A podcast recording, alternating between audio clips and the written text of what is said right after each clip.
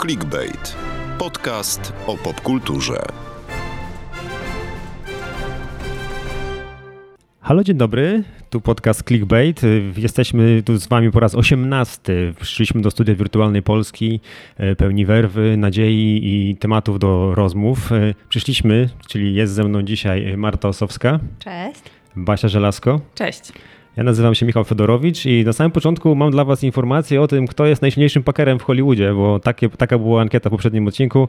No, wyniki nie były zaskakujące. Najsilniejszym pakerem Hollywoodu według Was i najbardziej takim definitywnym, naj, najbardziej wyśmienitym. Werble, werble. Tak jest. No, Arnold Schwarzenegger, no to była po prostu dominacja. Nie mogło być inaczej. Dominacja. 62% z osób, które głosowały w, naszym, w naszej ankiecie wybrało Arnolda. Na drugim miejscu Dwayne The Rock Johnson, czyli namaszczony przez Arnolda w filmie Welcome to the Jungle. I, a później wszyscy właściwie porówno. Henry Cavill 8%, Jean-Claude Van Damme 8%, a Sylwester Stallone tylko 6%, więc Sylwestra chyba najmniej tutaj się szanuje ze wszystkich. My dziś nie będziemy rozmawiać o pakerach. Mamy dla was trzy inne tematy, a właściwie tematów jest tak naprawdę więcej, bo będziemy dzisiaj troszkę freestyle uprawiać, zwłaszcza w końcowej części naszego odcinka. Ale na początku porozmawiamy sobie o The Office i nie tylko tym polskim, nie tylko tym amerykańskim, właściwie o The Office i o biurze. W drugiej części będziemy też rozprawiać o The Crown, które wróciło do nas sezonem piątym. No, dość ciekawe, dlatego że no, niedawno królowa zmarła, więc tutaj fajnie o tym porozmawiać. No a w ostatniej, w ostatniej części będziemy mieli dla Was dwa seriale, jeden film, ale jakie to będą filmy i seriale, to się przekonacie, jak zaczniemy o tym gadać w trzeciej części. Więc zapraszamy na ten 18 odcinek. Clickbait. Podcast o popkulturze.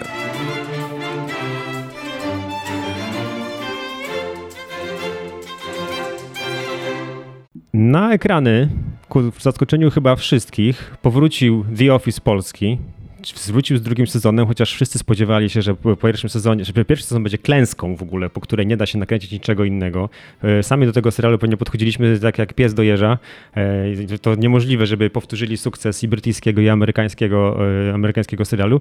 No ale okazało się, że pierwszy sezon miał w sobie to coś, że ludzie po ten Kanal Plus sięgnęli, bo dostępne było to głównie online'owo i bodaj czasami chyba puszczano w stacji.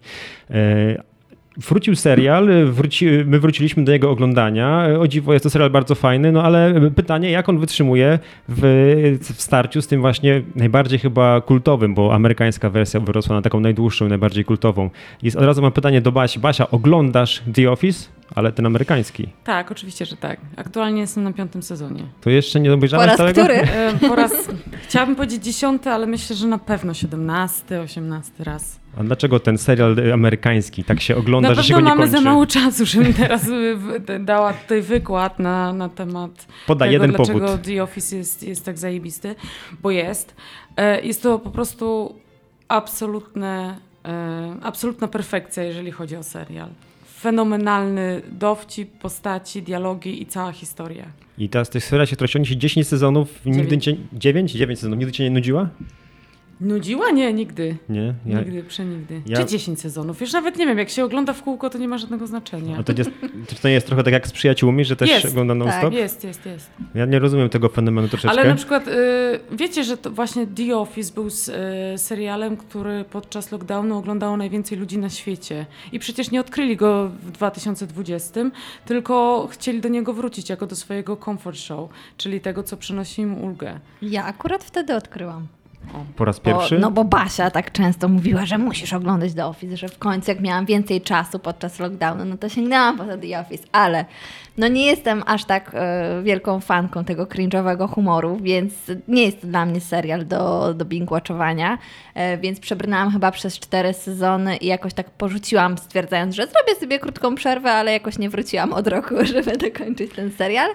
Mm, więc wydaje mi się, że to no, jest bardzo ten specyficzny humor, od którego część widzów się odbije i to nie każdy jednak będzie takim super fanem, ale jeśli ktoś właśnie to zaakceptuje, no to wydaje mi się, że potem to, ta historia tak płynie, że rzeczywiście można to oglądać y, godzinami długimi. Ja, ja, miałem taki, taki, taki podobny motyw jak tylko. Ja odkryłem, odkryłem, może zacząłem oglądać ten serial w 2011 roku, gdy jeszcze był, jeszcze kolejne mm -hmm. były tworzone, on jest wyświetlany i tworzony od 2005 roku. E, przerwałem, e, po drugim sezonie sobie kiedyś do niego wrócę, no i minęło od tego czasu 11 lat i prędzej wróciłem właśnie do polskiego, ale zacząłem oglądać polski niż, niż pociągnąłem, pociągnąłem dalej. Wrócić. Ale tego serialu osoba pracująca w biurze naprawdę no, z takim dyskomfortem może to oglądać, ponieważ no, wierzę, że każdy z nas mógł mieć takiego szefa, jakim jest Michael w amerykańskim serialu i takiego szefa, jakim jest Michał y, w, y, w polskiej Ty jego wersji. jesteś naszym szefem i nigdy w życiu nie I widziałam żadnych punktów Michałem. wspólnych. Ale ja, ale, ale, ja mam, ale ja mam nad sobą jeszcze przełożonych. Nie, nie wiem, ja, ja w ogóle nigdy nie miałam takiego doświad żadnego doświadczenia, z, jakiego mieli pracownicy z The Office, ale też często spotykam się z tym, że ludzie zaczynają to oglądać ze względu na memy, że chcą, chcą je rozumieć. Że chcą to dotrwać tego momentu, kiedy Michael Scott mówi uciekamy z tego budynku, ewakuacja, albo, albo to no, no, no tak. Albo gdy widzą Kevina z, z rozlanym sosem z garnka. No to każdy chce tego doświadczyć i naprawdę musicie zacząć oglądać The Office. A, a czy z polskiej wersji mamy, jest jakiś moment, który można wymem wymemować, wyciągnąć na tego, jak pamiętacie o, pierwszy tak, sezon? Czyli tak już przeskakujemy hmm. do momentu, w którym można przymemować. No bo to nie, to na pewno nie jest taki sam fenomen, wiadomo, że się nie rozleje nie, no po właśnie, świecie. Nie ale, jest ale... jeszcze fenomenem moim zdaniem w ogóle polska edycja. Zresztą fenomen to naprawdę bardzo duże słowo. Pamiętam dzień, w którym e, Kanal Plus ogłosiło, że, że będzie polski The Office i pisali do mnie wszyscy na wszystkich komunikatorach, że będzie polski The Office. I, I też, że będzie porażka. I że będzie porażka, bo wszyscy, zanim w ogóle y, ktokolwiek zobaczył pierwszą minutę, to już mówił, że to będzie porażka. A potem przyszły recenzje, kopie recenzenckie do redakcji, pojawiły się pierwsze recenzje i o dziwo nie było takiego, e, takiego stężenia e, negatywnych tych recenzji, bo okazało się, że w serialu polskim The Office ta polskość została, e, ta amerykańskość została zastąpiona mm. przez tą polskość i ta polskość miała jednak taki fajny powab. No i tutaj w tej polskości moim zdaniem bryluje najlepiej Darek Wasiak, czyli Adam Woronowicz, który jest siłą tak. tego serialu, bez którego ten serial by się rozpadł. Nie bez szefa, jakim jest y, Michael. Bez Michaela The Office y, to nie wiem, czy się da oglądać. Oczywiście, że się da. Nie, totalnie. Ja, ja... No, no da, bo robię to w kółko. A no tak, no ty tak. możesz.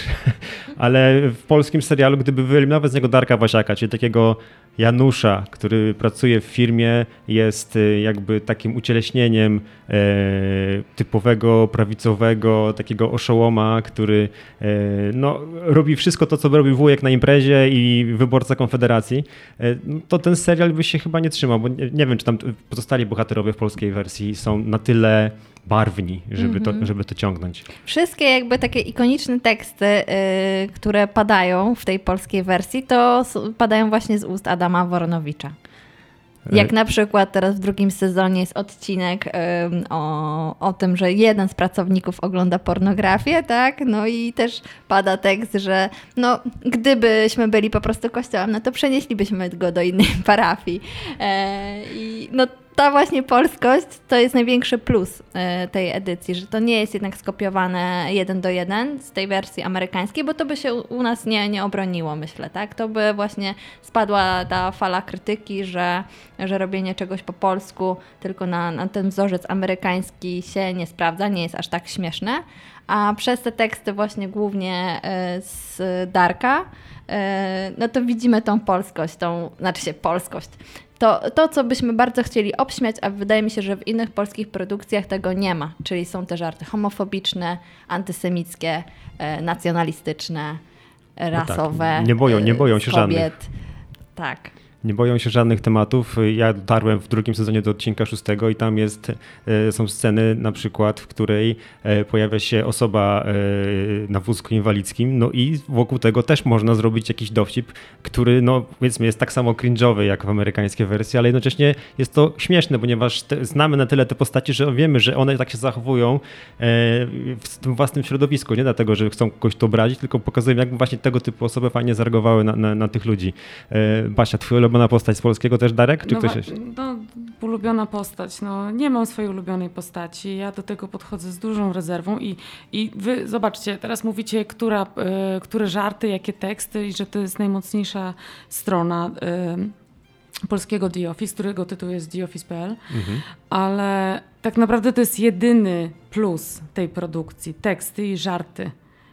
A, a cała reszta jest niestety minusem. Te teksty i żarty nie spinają się w całość. Te postaci nie mają między sobą prawdziwych relacji, które nas wciągają. I, i, i to jest mo- moim zarzutem. No, jak oglądałam pierwszy i drugi sezon, to, to wiedziałam, że to absolutnie nie jest odpowiedź polska na The Office, że to nie jest polskie The Office, tylko to jest serial, który ma naprawdę dużo śmiesznych gagów i dowcipów, ale to się nie klei w jedną całość. A to nie było tak samo na początku tego amerykańskiego, Absolutnie że się nie. nie rozkręcało? Nie, bo, bo na przykład, bo Michael miał swój tak zwany arc i każdy bohater miał swój arc, czyli jakąś swoją historię, swoją przemianę. A co my wiemy o, o Michale, co my wiemy o Darku, yy, jak, jak, jak się życie Michała spina z życiem dárka No w żaden sposób. No ale właśnie, ja oglądając ten pierwszy sezon amerykańskiego kilkanaście lat, kil, no, no kilkanaście, bo 11 lat temu zacząłem, to, to też tego nie czułem, że tam są jakieś relacje. Dla mnie był taki sezon, w którym e, w taki, no to sezon właściwie, każdy odcinek był tak naprawdę dotykał czegoś innego i tego arku nie czuć na, na początku, na początku jak się ogląda. I to, może jeszcze jest do zbudowania, może zbyt krytycznie podchodzić do tego polskiego. Na pewno to jest do zbudowania, bo tego teraz nie ma. Ja się właśnie po części zgadzam z Basią i, i z Michałem, że też e, wydaje mi się, że w tej amerykańskiej wersji ja na początku też nie czułam tych, tych relacji i dopiero po obejrzeniu jakby dwóch, trzech sezonów już wiedziałam e, znacznie więcej o, o tych bohaterach i rzeczywiście w tej polskiej wersji troszeczkę jeszcze brakuje tej głębi, ale wydaje mi się, że są, widać, że, że scenarzyści nad tym pracują e, i że dowiadujemy się więcej, a niestety nie o każdym z bohaterów, tylko o jakichś wybranych postaciach. Znaczy tych ulubieńcach widzów, bo zauważają to, co się działo w pierwszym sezonie, to ci, którzy są, nie wiem, najśmieszniejsi, albo tak, o których się pisało najwięcej, to teraz mają więcej też do powiedzenia e, w tym sezonie. I też tak mam wrażenie, że tak jakby więcej scenarzystów siedzi na jednej postaci, bo wiedzą, o wszyscy lubią Darka, dodajmy tego Darka. I tym samym Darek dostaje żart, który jest naprawdę no, śmieszny w stylu The Office, czyli gdy mówi o, gdy mówi o cudzoziemcach, którzy potencjalnie zagrażają Polsce, to robi coś takiego, że wo, wo, wo, wo, Więc to jest super śmieszne, haha, ale nie pasuje do postaci Darka, bo wiemy z pierwszego sezonu, że Darek jest tym takim historycznym nerdem, który chodzi na rekonstrukcję i tak dalej. Więc w życiu by nie popełnił takiego merytorycznego błędu. Żart śmieszny, ale nie pasuje, nie pasuje do tej postaci. I to jest mój zarzut. No okej, no to w sumie nie, nie, nie myślałem o tym w ten sposób, może też zapomniałem pierwszy sezon No. w, takim, w takim razie, ale... e, Moim zdaniem Basia tutaj ma za wysokie ambicje, bo wydaje mi się, że jednak Darek jest taką osobą, która mogłaby w tej kwestii się pomylić, bo jest tak sfokusowany tylko na tej polskiej historii. Że każdy inny to jest dla niego jeden Odszczepieniec, dzikus po prostu. tak. No, no, no może, może. No. Marta, mówiłaś tutaj o tym, że nie każda postać otrzymała odpowiedni, od- odpowiednie rozwinięcie i tutaj w dwóch postaci z pierwszego sezonu w ogóle nam brakuje. Nie ma tutaj, w polskim, mówię oczywiście o polskim The Office, nie ma tutaj e, Franka. Franka, czyli tego stażysty, to znaczy mamy nowego stażystę, Mamy nowego. Adama, Tak. e, granego przez Rafała Kowalskiego. E, No i Jak bardzo on się... różni się od Franka i, i niewiele. swoją energią i swoim wyglądem. No niewiele. Tak, tak. Więc wydaje mi się, że po prostu szukali zamiennika e, i tak, tak samo dalej to jest postać, która nawiązuje najbliższą więź e, z sekretarką z Asią, graną przez e, Kornelię Strzelecką, dlatego, że znają się w ogóle z czasów liceum. No i właśnie mamy te jakby, to też nam nie pasuje troszkę z tego względu, że to jest właściwie ta sama postać, ale, ale w serialu jest sprzedana jako zupełnie inna. Tak. Jako ktoś, kto Mhm, tak. Ale pełni tą samą rolę, tak? I ta sama energia to jest.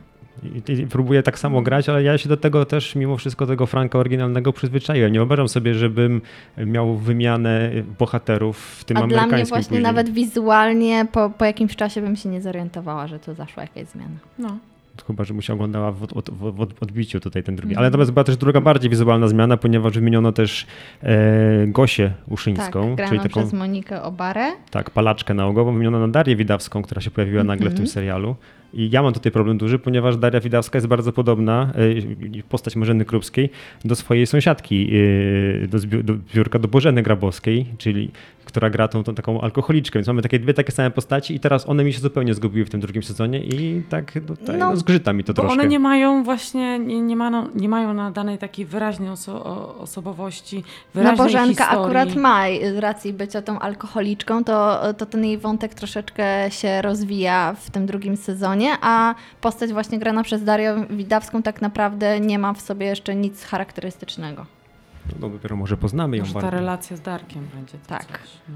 Ja sobie tutaj troszeczkę, troszkę sprzedałem e, spoilera, i, e, ale też wam też tutaj powiem, że ta gościa nie do końca znika, ona gdzieś tam się może jeszcze pojawić. Nie wiadomo jak będzie właśnie z samym No bo Frankiem. jest który- powiedziane, że, e, że ta postać się pojawiła na zastępstwo pracownicy.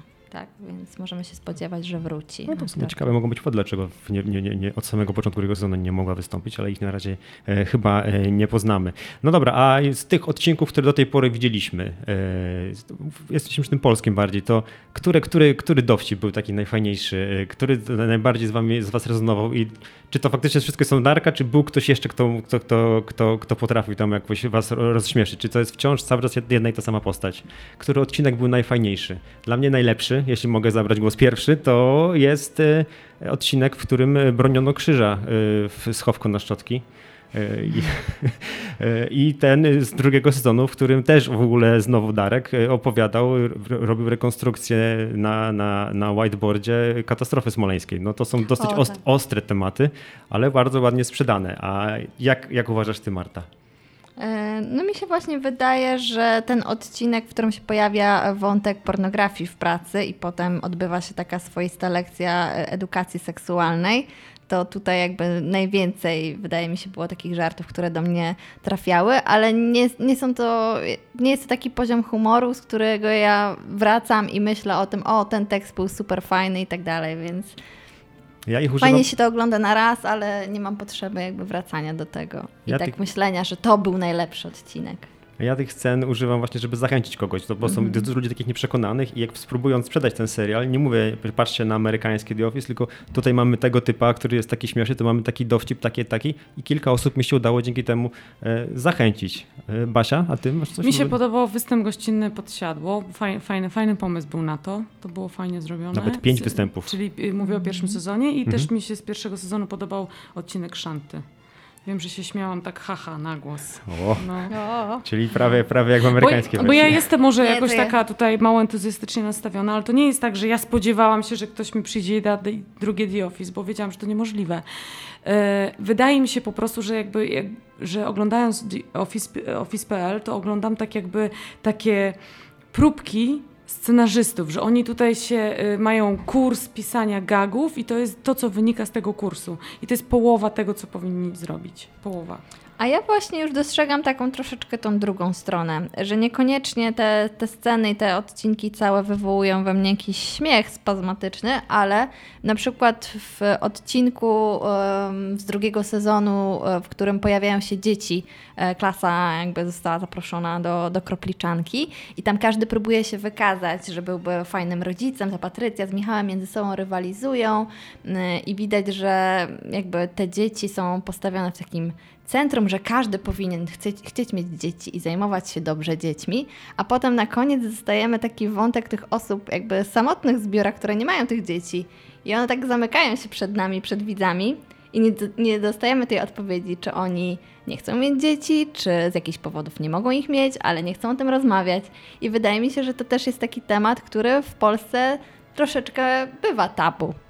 Czy, czy mówi, mówi się o tym, że, że wiele osób, wiele kobiet słyszy tak non-stop na przykład o tym, kiedy będziesz mieć dziecko, że inne postronne osoby gdzieś ci się wtrącają do twojego życia prywatnego, a to jest taki temat, który no, każdy ma, jak musi na swój sposób osądzić, tak? Czy chce założyć rodzinę, czy nie, czy nie może, czy to jest dla niego problematyczna kwestia, o której nie chce rozmawiać z każdym, czy, czy jednak e, robi się z tego właśnie mm, sprawę publiczną. Znaczy Ja bym tutaj, nie wiem, osobiście to może dlatego, że czekałem bardziej na gagi, to nie analizowałem tak dogłębnie. Nie wiem, czy, czy to do końca być może, może, może chcieli, ale ja no, nie, nie czułem takiego tutaj aż, aż próby nawiązania do czegoś takiego. Rozumiem, że to się wiesz, dało się przez ciebie. O, to fajnie, że to Ktoś można to było zauważył, ktoś tego nie zauważy, no bo jednak to jest serial komediowy, który pewnie nie ma aż takich wysokich ambicji, ale wydaje mi się, że są takie właśnie momenty, gdzie gdzieś można odczytać tą drugą warstwę tego. Wiecie, którą postać naprawdę lubię? Lewana. Uważam, że jest super pomysł na tą postać. Jak na, że, że w ogóle, że akurat, e, że takiej narodowości, czy tam pochodzenia etnicznego, nie wiem jakiego. Gruzinin, Gruzin. E, więc, więc no, okej. Jest, jest Le- To Lewan. trochę mało jest go jednak. Jest go mało, a naprawdę, a naprawdę mi się podoba. Myślę, że scenarzyści, jak tutaj we wszystkim oni się inspirowali Oscarem z oryginału, podoba mi się. Mam nadzieję, że, że tutaj jest jakiś pomysł na niego jeszcze. Ale pan jest o tyle fajny, że z nim są różne interakcje. Że Tak. i, I Darek, i Michał, i, i postać grana przez Vanessa Aleksander. Patrycja. Patrycja Kowalska, tak się nazywa właśnie jak, jak, jak typowa. Podoba mi się, on, on jest tą, tą ścianą rozumu, spokoju i takiej, takiego, takiej ironii, sarkazmu. Podoba mi się. Bardzo fajna postać. No w sumie ten, Zresztą Patrycja też jest bardzo ciekawa, No. chociaż wydaje mi się tak najbardziej stereotypowo e, potraktowana, tak? Że wiadomo, że córeczka szefa, więc e, wszystko dostaje na tacy, a ona cały czas próbuje mm, udowodnić, że jednak potrafi, e, że jej się należy ten szacunek i że ona ma jakieś kompetencje, mimo że absolutnie ich nie ma. Ale to, to jest w ogóle, ja w ogóle nie wierzyłem w to, bo to jest totalna różnica między tym brytyjskim, amerykańskim a tym polskim. Tutaj mamy nagle dwoje szefów, że jest i, i Michał Ale to jest takie i jest polskie, Patrycja. moim zdaniem. Tak, że pojawiło się to, i to, to pomysł, który mi się wydawał, że się nie uda, a jednak e, się udał. Mimo wszystko taki office e, na miarę naszych możliwości. Czekam, Tak, aż dobrze powstanie The Office nagrane w naszym biurze. Clickbait. Podcast o popkulturze.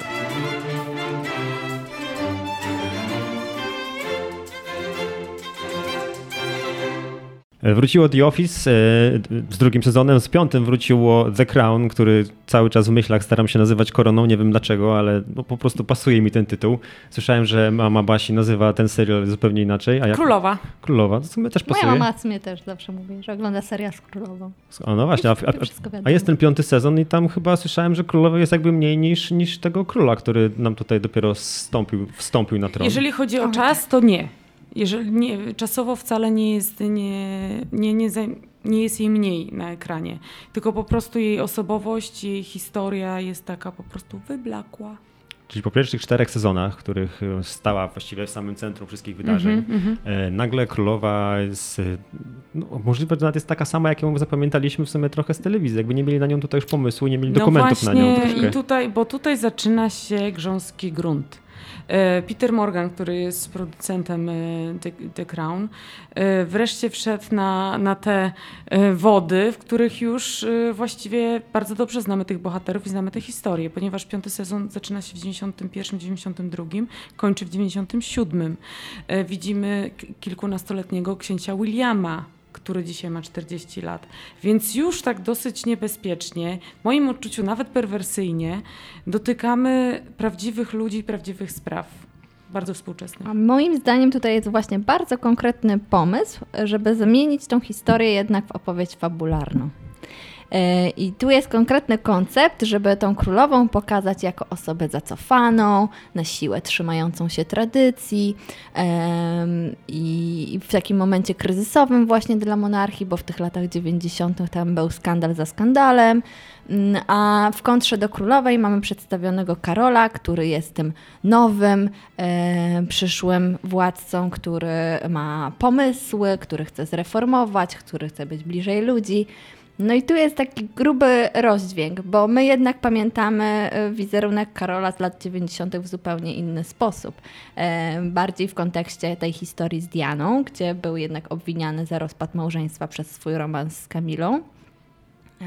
A tutaj dostajemy bardzo atrakcyjnego, przystojnego aktora Dominika Westa. No nie mogę się skupić, taki jest ładny. Dostajemy bardzo charyzmatyczną postać e, i moim zdaniem bardzo dużo czasu antenowego i uwagi poświęcono temu, żeby, żeby widownia polubiła Karola i żeby zrozumiała jego rację i żeby dostrzegła w nim pozytywną postać. Ale właśnie dlaczego to robią? Przecież skoro No przez właśnie, pierwsze ja cztery nawet- sezony on jest jak pokazywany w tak, ja nawet swoją zapamiętaliśmy. e, recenzję nazwałam laurką dla Karola. E, Moi, bo, bo zgadzam się ze wszystkim, co tu powiedziała Marta. Rzeczywiście i rzutny, aktywny, męski, seksowny nawet e, mężczyzna Karol, kiedy w rzeczywistości jakby wszyscy wiemy jak jest. W ogóle nie było w The Crown pokazane, pokazanego tego, jakim, jakim jest człowiekiem tak e, prywatnie. Powiedzmy, że są ludzie, którzy o tym mówią głośno. Na przykład nie mówi się o dziwactwach Karola. O tym, że on w podróże oficjalne wozi swoją skórzaną deskę klozetową. Że, że mu e, lokaj wyciska pastę do zębów na szczoteczkę. Zresztą to nie są tylko plotki, bo krótko po tym, jak zmarła Elżbieta, widzieliśmy go w Irlandii Północnej, gdzie próbował podpisać jakiś dokument i dostał po prostu histerii, gdzie polał się tym atramentem, nie wiedział co podpisać, zaczął wymachiwać rękoma. No zachowywał się naprawdę śmiesznie. Jako przyszły król po prostu śmiesznie. A The Crown pokazuje nam typa naprawdę spoko. Mhm. Ale to wszystko właśnie dlatego, moim zdaniem, że wykorzystano w ogóle te historyczne postaci pretekstowo, po to, żeby pokazać, że monarchia jest jakąś skostniałą instytucją, która potrzebuje reformy. I bo o tym jest cały serial, gdzie ja już w którymś momencie, jak od pierwszego odcinka widzimy tego Karola, który za plecami królowej non-stop ją obgaduje i mówi, że już się nie nadaje do rządzenia, że on jest młody, że on się tak rwie do pracy, I, do, I w ostatnim sezonie mamy to samo, tyle już, że Karol się konfrontuje z królową i o tym rozmawia. E, no to moim zdaniem, tak, tak już się złapałam na finale, że przecież można by zupełnie e, inaczej odebrać tą historię. Na takiej zasadzie właśnie, że Karol jest nielojalny wobec królowej, wobec w ogóle monarchii, że nie że szanuje tej monarchii. tradycji, tak.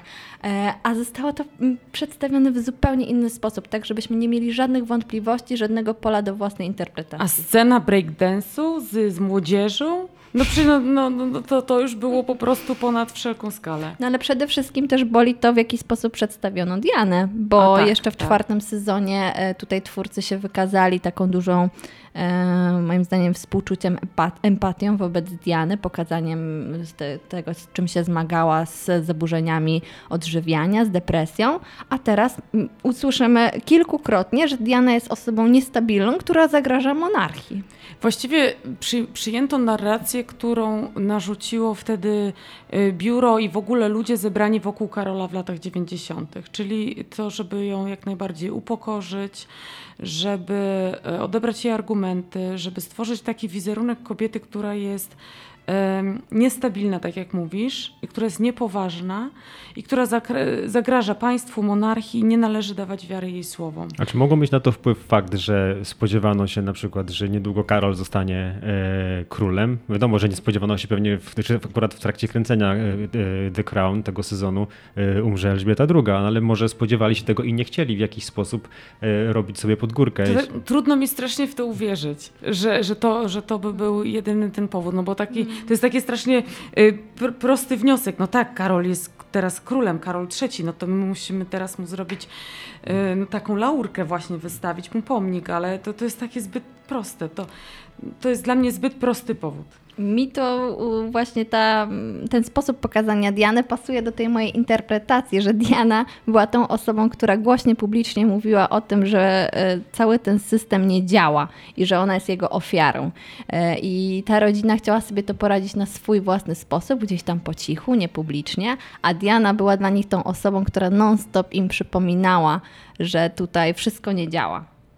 Więc y, ten sezon w ogóle piąty troszeczkę tak czytam zupełnie trochę w oderwaniu od faktów i od tych prawdziwych historii między Karolem, Dianą, królową i resztą rodziny, tylko jako taką czystą opowieść o tym, czym była monarchia w tamtych latach, y, czy też obecnie, czy w ogóle jest potrzebna, bo y, gdzieś tam chyba w dziewiątym odcinku jest pokazana scena kiedy, kiedy w programie chyba BBC e, jest jakiś telewizyjny plebiscyt, gdzie muszą e, ludzie wypowiadać się na ten temat, czy monarchia jest jeszcze potrzebna, czy nie.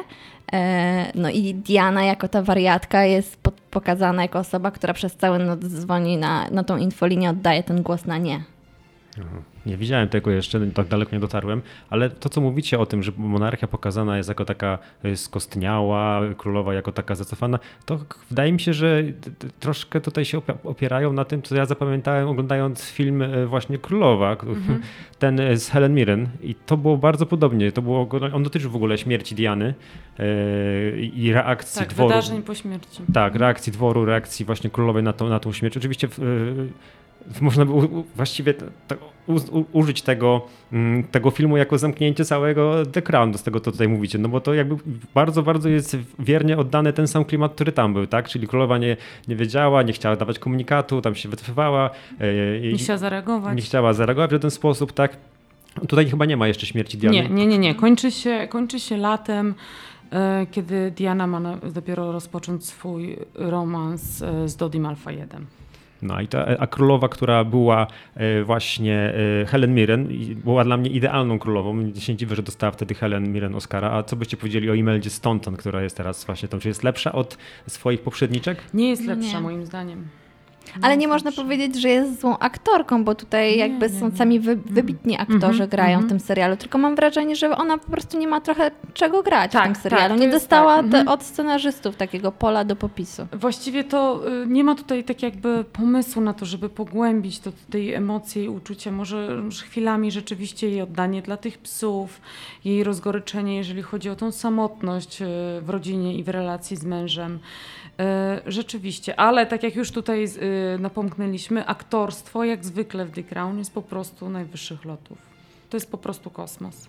A wspomnieliście też właśnie, że ten Karol jest tak oszczędzony, a wiemy, że właśnie na brytyjskim, e, brytyjskim dworze królewskim były, było sporo skandali w tak 90. Które tutaj mamy skandale? Bo jeszcze nie wiedziałem do końca, Bardzo które, dużo które są pominięte. było w czasie rzeczywistym, bo a pominięty jest na przykład tylko wspomniany jedynie jest związek i rozwód Andrzeja z Fergie, czyli z księżną Jorku.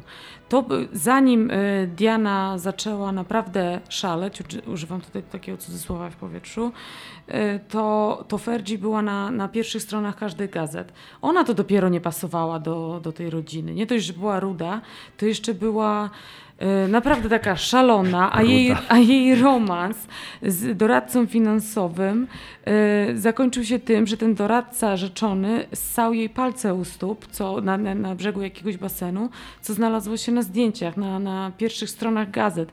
I tylko a ona była topless. A ona była topless i tylko tego dowiadujemy się e, z, z króciutkiej scenki Andrzeja u matki. Mhm. Andrzej przychodzi i mówi, że chce się rozwieść, no i ona tutaj taka smutna, ojojoj, rozwód. No i y, przecież to był materiał na cały odcinek, na więcej odcinków, na cały sezon. Dlaczego tego nie pociągnięto? Poza tym Diana miała naprawdę bardzo dużo związków pozamałżeńskich, mniej tak. lub bardziej poważnych. I właśnie y, Diana też w latach 90. Y, były ujawnione jej rozmowy tak. z jednym z kochanków, gdzie ona nazywa y, rodzinę Windsorów okropną rodziną, a swoje życie jakimiś torturami. Nie ma w ogóle tego wątku. Nie ma też co więcej niestety wątku um, tej działalności charytatywnej Diany, tak? E, tego, dlaczego ludzie uważali ją za królową ludzkich serc. Tak, gdyby ktoś nie znał Diany i oglądał samo The Crown 5, to nie wiedziałby, dlaczego ma kochać Dianę. I ja nie mówię o tym, ja nie mówię o tym, żeby iść w, w tę stronę, w którą poszło naprawdę bardzo wiele produkcji, że tutaj hagiografia, że tutaj zaraz będzie po prostu święta ta Diana. E, tylko, że bardzo mnie zaskoczyło to, jak niewiele tutaj poświęciło się jej działalności charytatywnej, która jest faktem. W ogóle się nie poświęciło. E, jest tylko przedstawione, że Diana jest popularna, bo jest bohaterką tabloidów. Jak celebrytka. Tak. No może to jest takie celowe też zagranie z drugiej strony, bo jak wiecie, odbrązawiali całą tą rodzinę e, w poprzednich sezonach i tak dalej. Tak teraz właśnie chcieli pokazać tą zakulisową Dianę. Nie wiem, bo to co widzieliśmy my, to, że ona była tam, nie wiem, zbierała miny e, gdzieś tam, czy odwiedzała e, sierocińce i tak dalej, może to właśnie były tylko zagrania PR-owe, w rzeczywistości była inną osobą i właśnie to było zamiarem twórców. To bardzo no takie, być może tak, ale to jest trochę to jest wypaczenie no. jednak faktów i to też trochę zmienia tą, tą narrację, bo można można by właśnie pokazać, wykorzystać ten wątek Diany do pokazania, że można pełnić te funkcje inaczej, można być blisko ludzi. Właśnie to chyba, co chcieli przekazać ci, ci twórcy, że monarchia potrzebuje, twórcy z The Crown, um, czyli to pokazanie, że monarchia potrzebuje zmian, potrzebuje być bardziej ludzka, bardziej współczesna, a Diana była na wskroś współczesna i, i ludzka po prostu. Królowa ludzkich serc. No, właśnie, no, jako pierwsza osoba publiczna tak dotknęła osoby z wirusem HIV e, dała się sfotografować. E, to, że jeździła do Angolii, do Bośni i apelowała o to, żeby odminować tak, pewne tereny powojenne. Tak. y, min przeciwpiechotnych. I mówi się, że, że to, że, że rzeczywiście jest taka rezolucja, to jest część jej dziedzictwa. Mhm. To jest to coś nie, niezaprzeczalnego, a, to, a The Crown jej to odebrało.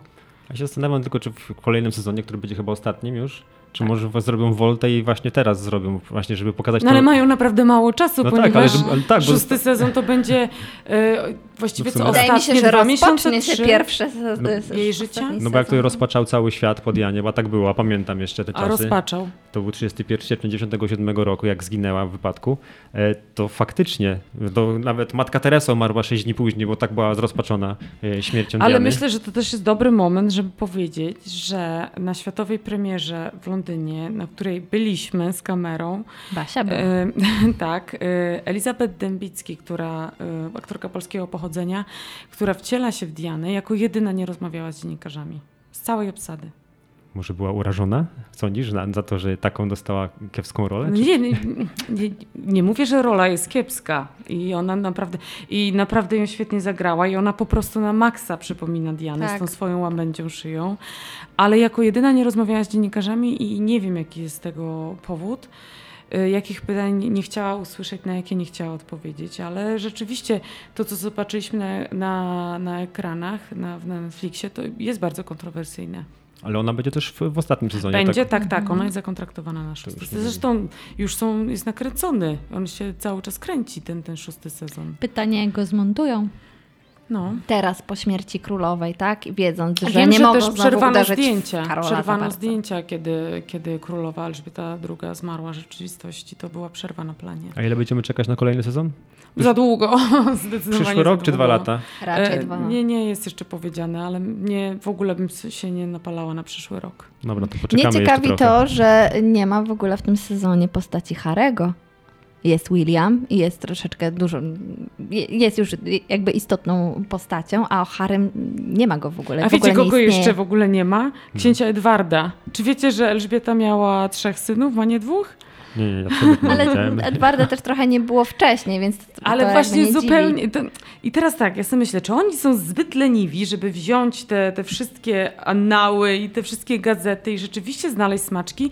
Moim zdaniem wielka szkoda, że nakręcono piąty sezon tam przez te sześć lat, zamiast zrobić przez y, trzy lata monarchii na jeden sezon i potem kolejny i kolejny i tak mnie karmić przez następną dekadę. No to było jak moda na sukces Proszę. się zamieniło. Ja tylko mówię, że y, brytyjska rodzina królewska to jest naprawdę źródło super historii do serialu. To jeszcze mogą być spin-offy, skoro dało się zrobić z Wiedźmina, który nie miał spin-offów z Wiedźmina.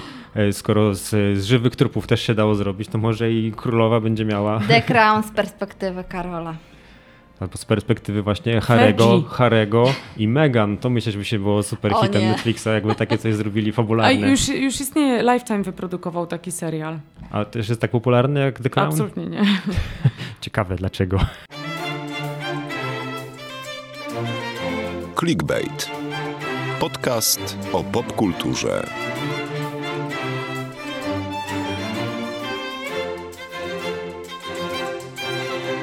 Przyszła jesień, liście pospadały, letnie ptaszki dawno odleciały. To jest cytat z książki mojego syna. Którą napisał. No, nie, no, no właśnie z książki, którą czyta mój syn. Może tak, masz rację, że to może sformułowałem. No ale tak, przyszła jesień, mamy dużo czasu na oglądanie e, różnych rzeczy. Wiem, że oglądamy Rolnika, Ślub od pierwszego wyżenia i jeszcze jakiś serial? Go Bake Dużo, dużo rzeczy. Jeszcze inne różne programy, to nie są w sumie seriale, tylko programy, ale właśnie ja was chciałem zapytać też o, o, o te produkcje, które mm, pojawiły się tutaj w sumie w Polsce na przestrzeni tam ostatnich kilku miesięcy, a o których jeszcze nie mówiliśmy i myślałem, że pogadajmy teraz 5 minut o każdej z nich. I ja słyszałem, że bardzo wam się podobał e, Basia, Marta, serial The Bear, czyli Niedźwiedź, jakbyśmy to przetłumaczyli, ale tytuł oryginalny pozostał. Dlaczego ja mam to oglądać, powiedzcie? Cieszę się, że zadajesz to pytanie, Michał. O, E, ponieważ e, i mam takie tutaj jedno zdanie wypisane i bardzo możliwe, że będziemy nim zajawiać ten podcast. To jest serial, który możecie zabić. Jak, jak, jak, w jaki sposób? E, możesz paść na serce oglądając ten serial. To jest non-stop ym, oglądanie w stanie napięcia przez 30 minut, bo tyle trwa jeden odcinek, przez chyba jest 8 odcinków. E, I to jest tak duszna atmosfera, bo jesteśmy zamknięci w kuchni małej knajpki Kuchni. e, w Chicago. I nie wiemy dlaczego ta kuchnia wygląda tak, jak wygląda, ale no, oglądając takie programy jak Hell's Kitchen wiemy, że to jest piekło po prostu.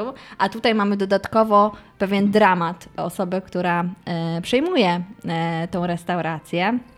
Po Przejmuje po bracie. zmarłym bracie. Nie wiemy, dlaczego ten brat, po, początkowo nie wiemy, dlaczego zmarł, dlaczego em, Karmi, który przejmuje tą, tą kuchnię, a wcześniej był cenionym em, szefem w ekskluzywnych restauracjach, zgadza się wrócić do rodzinnego Chicago i zajmować się kanapkami.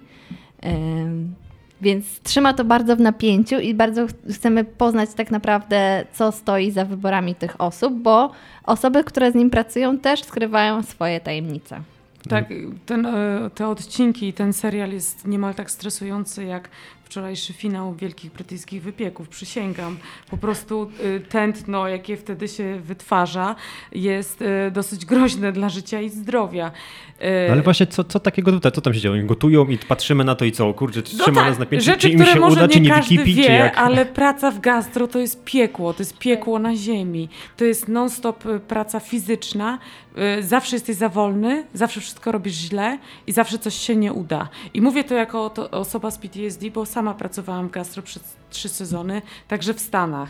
Więc y, kiedy to oglądam, to, to słyszę te takie śmigłowce nad swoją głową, przysięgam. Tylko najlepsze jest to, że właśnie widać po, po twarzy w sumie tego głównego bohatera, że y, on nie jest tak zdenerwowany i zestresowany tym, co, co, co teraz robi i co musi wykonać, tylko tam stoi za, za tym jakiś dramat i to y, zajmowanie się kuchnią jest dla niego jakąś próbą ucieczki od jego własnych No tak, traum. bo to nie jest tak, że teraz, o słuchaj, Fedor, musisz oglądać to, bo oni robią kanapki, to jest naprawdę trudne i to jest szybkie tempo. Bo inaczej ja bym chodzi. tego nie oglądała, nie, bo Dokładnie. nie jestem fanem. Y, Ale to- tak to brzmi cały czas. To jest, Hell's to, jest, widziałem. A... to jest człowiek z wielką traumą, dramatem życiowym i tak naprawdę, jak to powiedziała nasza redakcyjna koleżanka Karolina Stankiewicz, to jest serial o żałobie. I, Mhm. I przepiękny, dramatyczny, dynamiczny. Absolutnie każdy w tej chwili musi iść i zaryzykować własnym życiem i zdrowiem i obejrzeć The Bear. świetnie jest napisany, świetnie jest nakręcony i właśnie jest taki nieoczywisty.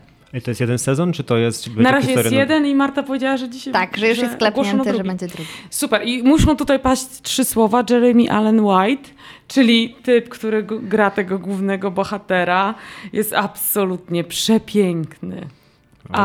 W, ta- w tej białej koszulce, na tych ramionach z tymi tatuażami. Koniec. Czy to jest sez- serial tylko dla kobiet?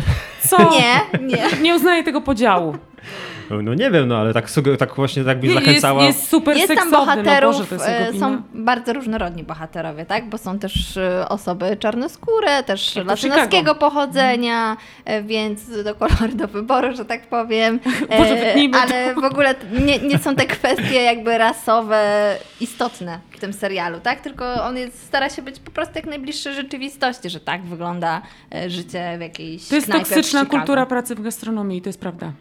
Ja zapytałem, o, o, że tylko dla kobiet, bo tak wcześniej się troszkę tutaj śmiałem, że Dominic West jest taki ładny, nie pasował do Karola, a ja generalnie Dominika Westa uwielbiam za The Wire, więc podejrzewam, że tę postać też mogę Nie, on jest o wiele ładniejszy od Dominika Westa, o 100 razy Nie, ładniejszy. absolutnie bym nie powiedziała. No nie zgadzam się Dobra, z to ja obejrzę, ja obejrzę i się przekonam. Tymczasem ja oglądam Barego, to jest inny serial. E, Barry był wyświetlany, jest wyświetlany A na dlaczego Disney zacząłeś Plusie. oglądać Barego? Weź mi przypomnij. Tak, e, co to było? Bary, czyli serial o e, seryjnym, właściwie nie seryjnym, o zabójcy na zlecenie, który przyjeżdża do Hollywoodu, e, żeby realizować kolejne zlecenia, a jednocześnie zostaje tam e, początkującym aktorem. E, Polecała mi Basia przez bardzo, bardzo długi czas. I Bardzo. I podobnie jak właśnie w przypadku The Bear, też nie byłem przekonany, aż po prostu tak na mnie siadła, tak mnie cisnęła, wzięła mnie za fraki, docisnęła do ściany, że razem z moją żoną postanowiliśmy spróbować i obejrzeliśmy pierwszy sezon na razie i kawałek drugiego.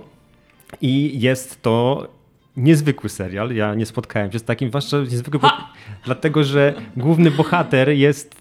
No, trudno powiedzieć, jaki jest główny bohater. Gra go Bill Hader, e, czyli to jest gość, który jakby karierę swoją najbardziej robił chyba w Saturday Night Live. Z NSL-a jest najbardziej znany rzeczywiście. E, I on gra tego właśnie zabójcę i to jest chyba też scenarzystą i twórcą tak naprawdę. Jest showrunnerem też. Tak, wszystko totalnie robi w tym serialu właśnie Bill Hader i ogląda się ten serial z takim, jak- na początku jak taki ża, że jest taki śmieszny, żartobliwy, a po czasie staje się mocno, mocno dramatyczny, żeby Ciężki, w tak. finale pierwszego sezonu dać tak po głowie, że yy, no ja y, zastanawiałem się, czy będę kontynuował ten serial po zakończeniu pierwszego, ponieważ to, co się dzieje w końcówce tego, nie będę tutaj spoilował, naprawdę obejrzyjcie to, jest y, no... Napra- Dodajmy, że jest dostępny na HBO.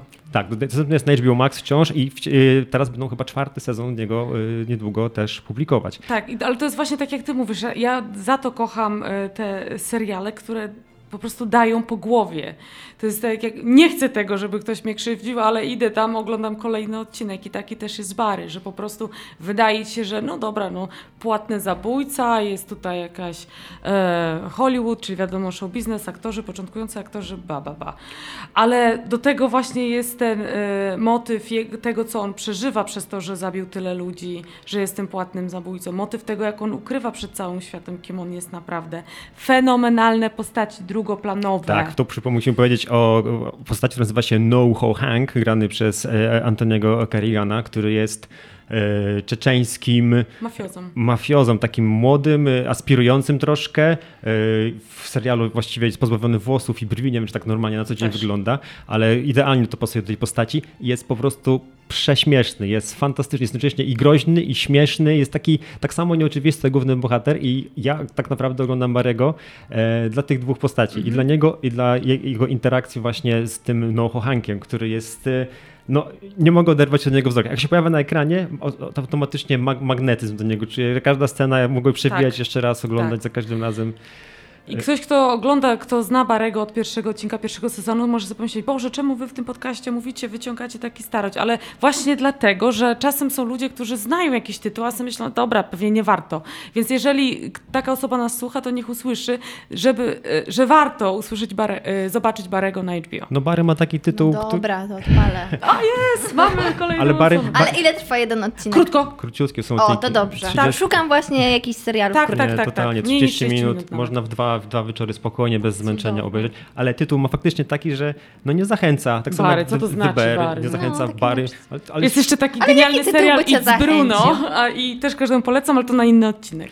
No i z Bruno no, też nie zachęcają. No właśnie, no właśnie, muszą no. popracować. Jak Kino Świat zawsze publikuje po Polsce jakieś filmy, jak sprowadza za granicę, zawsze wymyśla taki strasznie fajny tytuł, że od razu chce się iść na filmy Kino Świat do, kina, do kina. A tutaj no bary B, no nic, dlatego właśnie wam chcieliśmy o tym powiedzieć, ponieważ są to rzeczy do, godne obejrzenia. Marta, a ty co widziałaś ostatnio i do czego nas zachęcisz?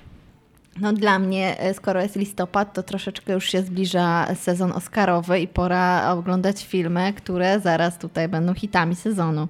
E, więc e, najpierw na Netflixie pojawił się niemiecki kandydat do Oscara, czyli na zachodzie bez zmian. E, no i ja troszeczkę żałuję, że taki film e, wojenny z fenomenalnymi zdjęciami musimy oglądać na Netflixie, a nie w prawdziwym kinie. Ale tu chyba nie musieliśmy, bo kilka seansów się gdzieś tam mignęło, ale nie no, wiem, czy Żeby był w ogóle wiadomo. w rozgrywce a, to e, Oscarowej, to no to musiał musi mieć być, też... Tak, mhm. Ale jakby powszechnie w kinach nie jest. No i ja generalnie lubię kino wojenne, aczkolwiek zdałam sobie sprawę, że w ostatnich latach takimi obrazami jak Dunkierka, jak 1917 czy Jojo Rabbit, to zobaczyliśmy taką wojnę w sumie troszeczkę e, cukierkową, takim hollywoodzkim wydaniu. E, a w przypadku filmu Na Zachodzie bez zmian e, raczej oglądamy już tą wojnę brudną, bez pięknych zdjęć. To znaczy, te zdjęcia są fenomenalne, ale widzimy ogrom jakby tej wojny i tego, że, że no to jest jakby zawsze zły wybór, tak? I zawsze to jest utrata czy dla kogoś życia, E, godności, majątku i tak dalej. No właśnie przez to, że ten film, jak się mówi o nim, że on jest taki bardzo brutalny, to zniechęca niektórych do oglądania i wiem na przykład, że Basia dlatego nie chciała go oglądać tutaj. Potwierdzam. Mhm. Że w filmie jest ten horror wojny, to szaleństwo tej wojny. Ja go też widziałem, udało mi się go zobaczyć e, przedwczoraj. E, jest, jest przerażające. To, co się dzieje, sceny na polu bitwy są tak fantastycznie zagrane tak. i, i są jednocześnie chaotyczne, a jednocześnie dobrze, dobrze choreograficznie rozegrane. Są też i nawet ujęcia na jednym ujęciu, są dynamiczne cięcia. No i przede wszystkim jest tam bardzo, bardzo, bardzo, bardzo dużo e, takiej krwi, tego, czegoś, co naprawdę no, widzowie o słabych nerwach i o żołądkach słabych też mogą mieć problem z obejrzeniem. Ale ten film, no, nie, to nie jest dla mnie arcydzieło ponieważ w mhm. filmie, e, a czego nie ma w książce Remarka, e, w filmie znajdują się tutaj sceny takiego politykowania, czyli nawoływania do pokoju przez stronę niemiecką, która jest pokazana jako strona szukająca pokoju, a z drugiej strony mamy stronę francuską. Jest to strona, która za wszelką cenę dąży, żeby tych Niemców upodlić. I wydaje mi się, że tu jest troszkę, Marta, skrzywiona taka proporcja, że ci Niemcy w tym filmie są dla mnie troszkę za fajnie pokazani, a Francuzi są troszkę zbyt e, no, pokazani jako tacy, jak, tacy czarni charakterowie z mytoczami ognia, czołgami, którzy tych Niemców chcą rozjeżdżać. Co no ty ja myślisz? akurat nie odczytuję tego w taki oczywisty sposób narodowy, bo, bo tutaj jakby przemawiasz faktami historycznymi, a wydaje mi się, że w tym filmie nie ma e, jakby nacisku na przedstawienie, kto był dobry, kto był zły, tylko pokazanie, że no, toczy się wojna, więc wiadomo, że ktoś chce ją wygrać, ktoś e, chce jakby przegrywając, zachować jakąś godność, jakiś poziom, żeby ta, te negocjacje e, nie zniszczyły do końca jego kraju. No ale z góry wiemy, że to jest przegrana sprawa, bo tutaj też akcja tego filmu zaczyna się w 1917, kiedy już właściwie wiemy, że ten koniec I wojny światowej prawdopodobnie się zbliża, bo już Niemcy są e, na tyle, e, niemieckie wojsko wyniszczone, że, że nie ma szans, żeby, żeby wygrali, a mimo to oglądamy tą historię z perspektywy perspektywy młodych niemieckich chłopaków, którzy e, zaciągają się do tego wojska, mając taki wyidealizowany obraz tego, że idą, że wykażą się e, siłą, odwagą, że wrócą do domu i będą bohaterami, rodzicom. tak. E, I przez te dwie i pół godziny widzimy, jak bardzo ci chłopacy się zmieniają, dojrzewają i widzą, że no wojna nie przyniesie im chwały, tylko jakby ich upodli i odbierze im wszystko. A nie byłoby właśnie lepiej, gdyby się pozbyć tej całej otoczki politycznej? Dla mnie te sceny z Danielem Brühlem, który jest trochę zmarnowany, a jest jednym z chyba z najsłynniejszych obecnie aktorów niemieckich, e, sceny z nim są takie, jak ty tu powiedziałaś przed podcastem, dydaktyczne takie. Troszkę Starają tak. się takie no, naprowadzić się... na tą historię, która potem wynik będzie się działa poza filmem, ale widz taki, który nie śledzi historii, nie zna się historii, nie będzie wiedział o co chodzi i właśnie mm -hmm. może mieć to skrzywione spojrzenie na to, kto był zły, kto był dobry, chociaż ani jednych, ani drugich w tej wojnie nie było. Wszyscy byli i trochę dobrzy, i byli trochę źli, ale wszyscy byli szaleni, bo dążyli cały czas do tego starcia. No tak, y, akurat ta postać troszeczkę właśnie moim zdaniem jest, y, jest tak potraktowana y, zbyt łagodnie, ale y, wydaje mi się, że uzasadnione pokazanie tego wątku, dlatego że mamy tych młodych chłopaków, którzy walczą tak w okowach, są ci brudni, upodleni i tak dalej. I widzimy też kontrast tej elity tych generałów, którzy siedzą sobie wygodnie w pałacach, narzekają, że nie dostają ich ulubionego e, mięska z jakimś tam sosem, bo akurat już nie ma mięsa, nie ma skąd, skąd go brać. E, I oni sobie toczą te negocjacje spokojnie i każdy sobie myśli, mm, co, co jemu by się wydawało, jak powinno powinno być, a rzeczywistość się jakby zupełnie rozmywa. E, więc tylko w takim celu pokazania, że, że ci politycy są po prostu odrealnieni. Dlatego te sceny moim zdaniem jakoś były potrzebne w tym filmie. No i właśnie mówię, ja mam krytyczne spojrzenie na to, ale jednocześnie uważam, że każdy ten film powinien zobaczyć, e, żeby Mimo sobie to... wyrobić, wyrobić takie zdanie na jego temat, mm -hmm. że, że, on prowokuje do dyskusji. To na pewno jest film, który można, który można dyskutować dłużej niż 5 minut, które sobie tutaj przeznaczyliśmy. No i myślę, że pomimo tego, tej całej y, brutalności, y, która naprawdę tutaj no, no jest dosadna, dosadna dosyć, e, można przez palce chociaż spróbować spojrzeć, bo, bo to będzie moim zdaniem na Oscarach no, -hmm. dosyć solidny kandydat. Myślę, że Niemcy mają w tym roku e, no, Ale już nie, może, no nie mogę doczekać naszego odcinka przedoscarowego. 21 grudnia będzie ogłoszona skrócona lista tych filmów właśnie międzynarodowych a 24 stycznia poznamy już listę nominowanych. A przypomnijmy, co, co może być polskim kandydatem? IO już jest wybranym jest. polskim jest. kandydatem, no tylko nie wiemy, mamy czy... tutaj w, w kontek- mamy tutaj wielki epopeję, epopeję wojenną, wspaniałe I, zdjęcia i film o oś, i, i osiołka Jerzego, Sko- no, osiołku nie Jerzego zbytnio szans, żeby się, się przebił, a aczkolwiek tr- trudno powiedzieć, bo nie wiemy, jeszcze nie, nie widzieliśmy za wielu innych filmów e, zagranicznych, tak, które będą walczyć o Oscar. No o Oscarach będziemy jeszcze czas pogadać. Odcinek Oscarowy będzie pewnie w mhm. lutym albo... W... Ale wtedy będą emocje. na, pewno, na pewno się tymi emocjami z wami podzielimy wtedy. E, dziś już niestety kończymy, zbliża się koniec naszego podcastu. Ja wam tylko powiem, że możecie nas słuchać na Spotify, na Google Podcast, Apple Podcast, Opel FM, no i gdziekolwiek indziej, w tylu miejscach Wszędzie. na pewno nas znajdziecie. Oceniać nas możecie też na każdym z tych. Polecam nas ocenić w jakiś sposób. Niech będą to oczywiście jak najwyższe ceny, ale oczywiście chcemy sprawiedliwie ocenieni też. Ale im wyższa ocena, tym dotrzemy do do większej liczby słuchaczy. E, a jeżeli chcecie nam coś powiedzieć, coś negatywnego, to zapraszamy do pisania maili na nasz stały adres niechuchaj małpa grupowo.pl. Lepiej napisać niż dać jedną gwiazdkę. No pozytywne rzeczy też można pisać. Nie, pozytywnych nie chcemy. Wiemy, że jesteśmy dobrzy. w każdym razie słyszymy się za dwa tygodnie. Cześć. Cześć. Cześć, do usłyszenia.